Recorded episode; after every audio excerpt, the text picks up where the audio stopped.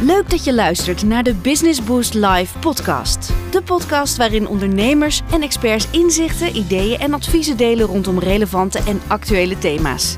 Met de concrete handvatten en tips kunt u als ondernemer direct aan de slag. Als minister van Financiën heeft Wopke Hoekstra de taak om goed op ons geld te passen. Tegelijkertijd investeert het ministerie van Financiën in zaken als duurzaamheid, onderwijs, defensie. Al die dingen die we belangrijk vinden. Ja, voor hem is de hoofdvraag bij elke euro die wordt uitgegeven: is dit de verstandigste manier om het geld te besteden? Voor Nederland en voor de inwoners van Nederland. Vertrouwen in de toekomst gaat volgens hem namelijk over meer dan netjes boekhouden alleen. Uh, Wopke, want dat mag ik zeggen, heb ik begrepen. Ontzettend fijn dat je vanavond te gast bent. Dag Sofie, goedenavond. Goedenavond, ontzettend leuk uh, dat je er bent. Vertrouwen in de toekomst is meer dan netjes boekhouden. Nou, dat uh, moet de minister van Financiën toch even uitleggen. Nou ja, dat is denk ik helemaal waar. Mag ik misschien beginnen met te zeggen dat ik het ook ontzettend leuk vind om uh, bij jullie te zijn. Wat betreft die schatkist. Die schatkist is natuurlijk uiteindelijk een middel. Het doel is om met elkaar een, een zo, zo, zo goed en zo mooi mogelijk land te hebben. Waarin die economie floreert waarin mensen aan het werk zijn, waarin ondernemers kunnen ondernemen en waarin al die dingen die Nederland zo mooi maken, van goed onderwijs tot goede politie, eh, tot veilige straten, eh, tot verstandig klimaatbeleid, waarin dat ook allemaal kan. En je hebt helemaal gelijk, het, het mooie, maar ook het ingewikkelde aan de politiek is dat je altijd keuzes moet maken in schaarste.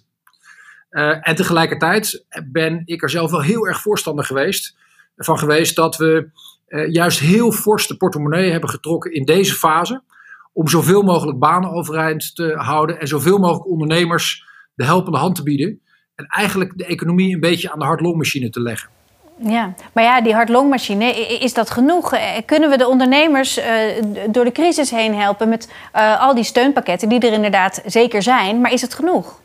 Ik denk en ik hoop het wel. Uh, en eerlijk is eerlijk, ik hoor natuurlijk ook heel veel verhalen van ondernemers die het echt lastig hebben. Um, ik praat natuurlijk bij, met, met, met eh, de restaurants waar we tegenwoordig, Lieselot en ik, iets afhalen, maar waar we vroeger gewoon uh, lekker uit eten gingen. Ik praat met de winkeliers in het dorp. En gisteren had ik nog ja, een vergelijkbaar soort, Zoom, soort vergelijkbare Zoom-sessie met een aantal ondernemers uit de binnenstad van Utrecht.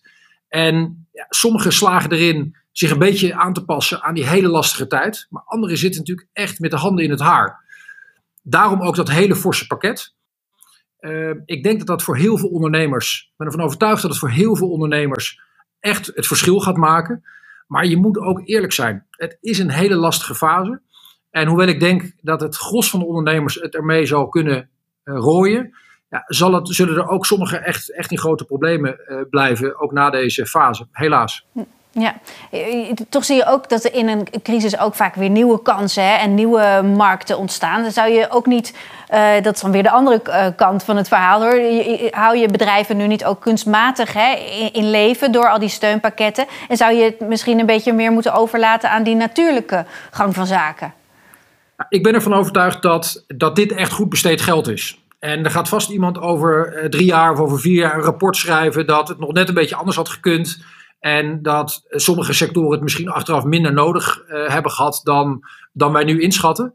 Maar die hoofdbeweging van vele tientallen miljarden ter beschikking stellen, uh, dat vind ik niet alleen rechtvaardig en eerlijk naar de ondernemers.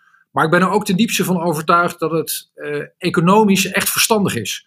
Want ja, straks dan zijn we toch een keer klaar met corona. We zijn er nu allemaal al klaar mee, maar dan zijn we er ook vanaf.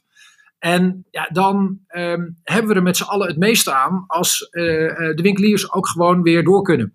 Uh, de cafés weer open kunnen. Uh, en eigenlijk die hele economie weer kan gaan draaien als een tierenlier. Dus ja, het kost heel veel geld. Ja. Je moet je alleen al voor dit jaar voorstellen dat we meer geld uitgeven aan die steunpakketten. Dan, dan aan de van justitie, defensie en economische zaken samen. Dat is nog afgezien van al het belastinguitstel en afgezien van de tientallen miljarden van vorig jaar. Maar ik ben ervan overtuigd dat het geld echt waard is. Ja, en hoe zie je dan de komende maanden voor je? Wat kunnen ondernemers nou verwachten? We hebben net weer een persconferentie gehad. Het is natuurlijk koffiedik kijken, maar kunt u toch een soort uh, verwachting uitspreken? Um, nou, wat ik natuurlijk hoop en, en, en stiekem ook wel een beetje verwacht, is dat, we, dat, dat er echt licht aan het einde van de tunnel zichtbaar is. Waarom is dat? Nou ja, op de eerste plaats omdat je toch ziet dat die, dat die cijfers zich relatief goed ontwikkelen.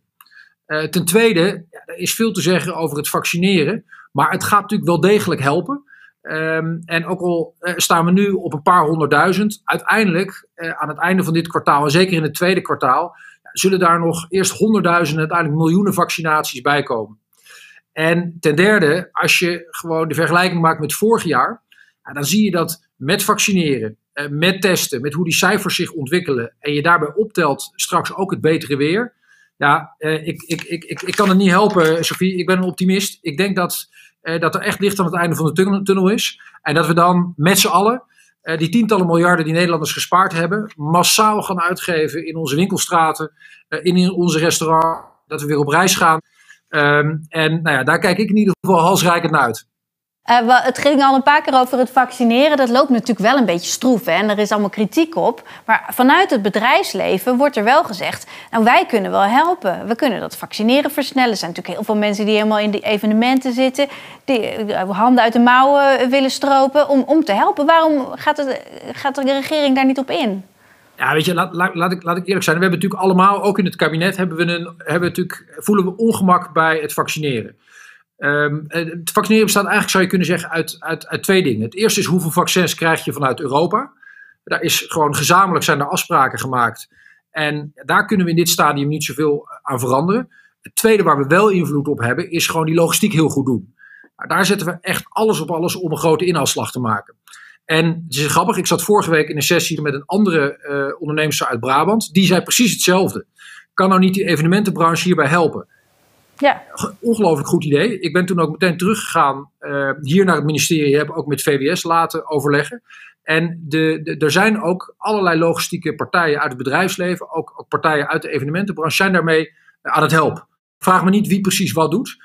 Maar ik denk dat je helemaal gelijk hebt. Uh, allemaal met verenigde krachten dit zo snel mogelijk is gewoon ontzettend belangrijk. Ja, um, nou wat goed om te weten dat jullie daar wel mee bezig zijn. We zien uh, door de beperkingen natuurlijk ook weer steeds meer verschuivingen in de, uh, in de markt ontstaan. E-commerce neemt natuurlijk een enorme vlucht. Het was al groter, alleen maar groter.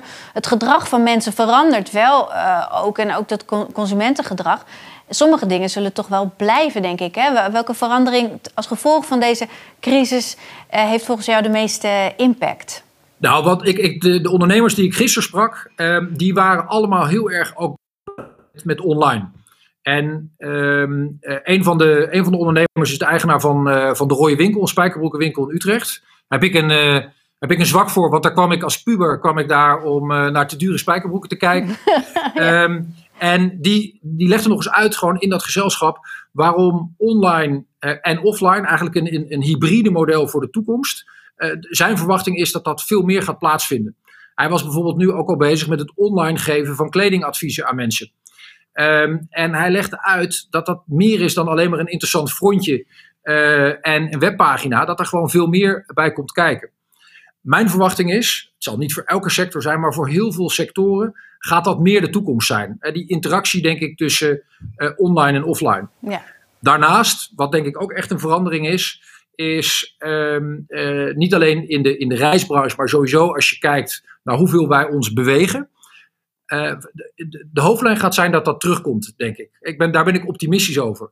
Maar dat thuiswerken, ja, je moet het niet doen met een paar gillende kinderen aan de keukentafel. Je moet het ook niet doen meerdere dagen per week, want je wordt er knettergek van. Ik in ieder geval wel.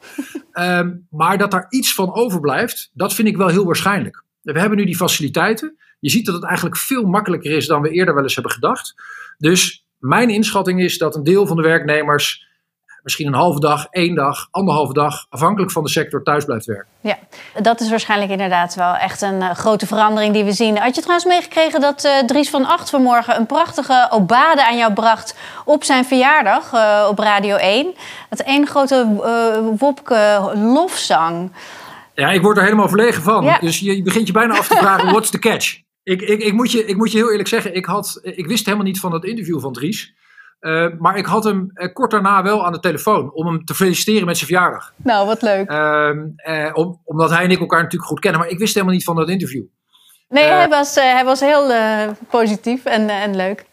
Het is een uh, lange, taaie strijd. Met de grilligheid van uh, dit virus blijft het een beetje lastig om vooruit te kijken. Maar er is perspectief, is een van de learnings van uh, Wopke om uit de crisis te komen. Hebben we met elkaar een ongekende klus te, te klaren. En dat vraagt van iedereen creativiteit en aanpassingsvermogen. Heel erg bedankt, Wopke Hoekstra. Heel erg fijn dat je bij ons was.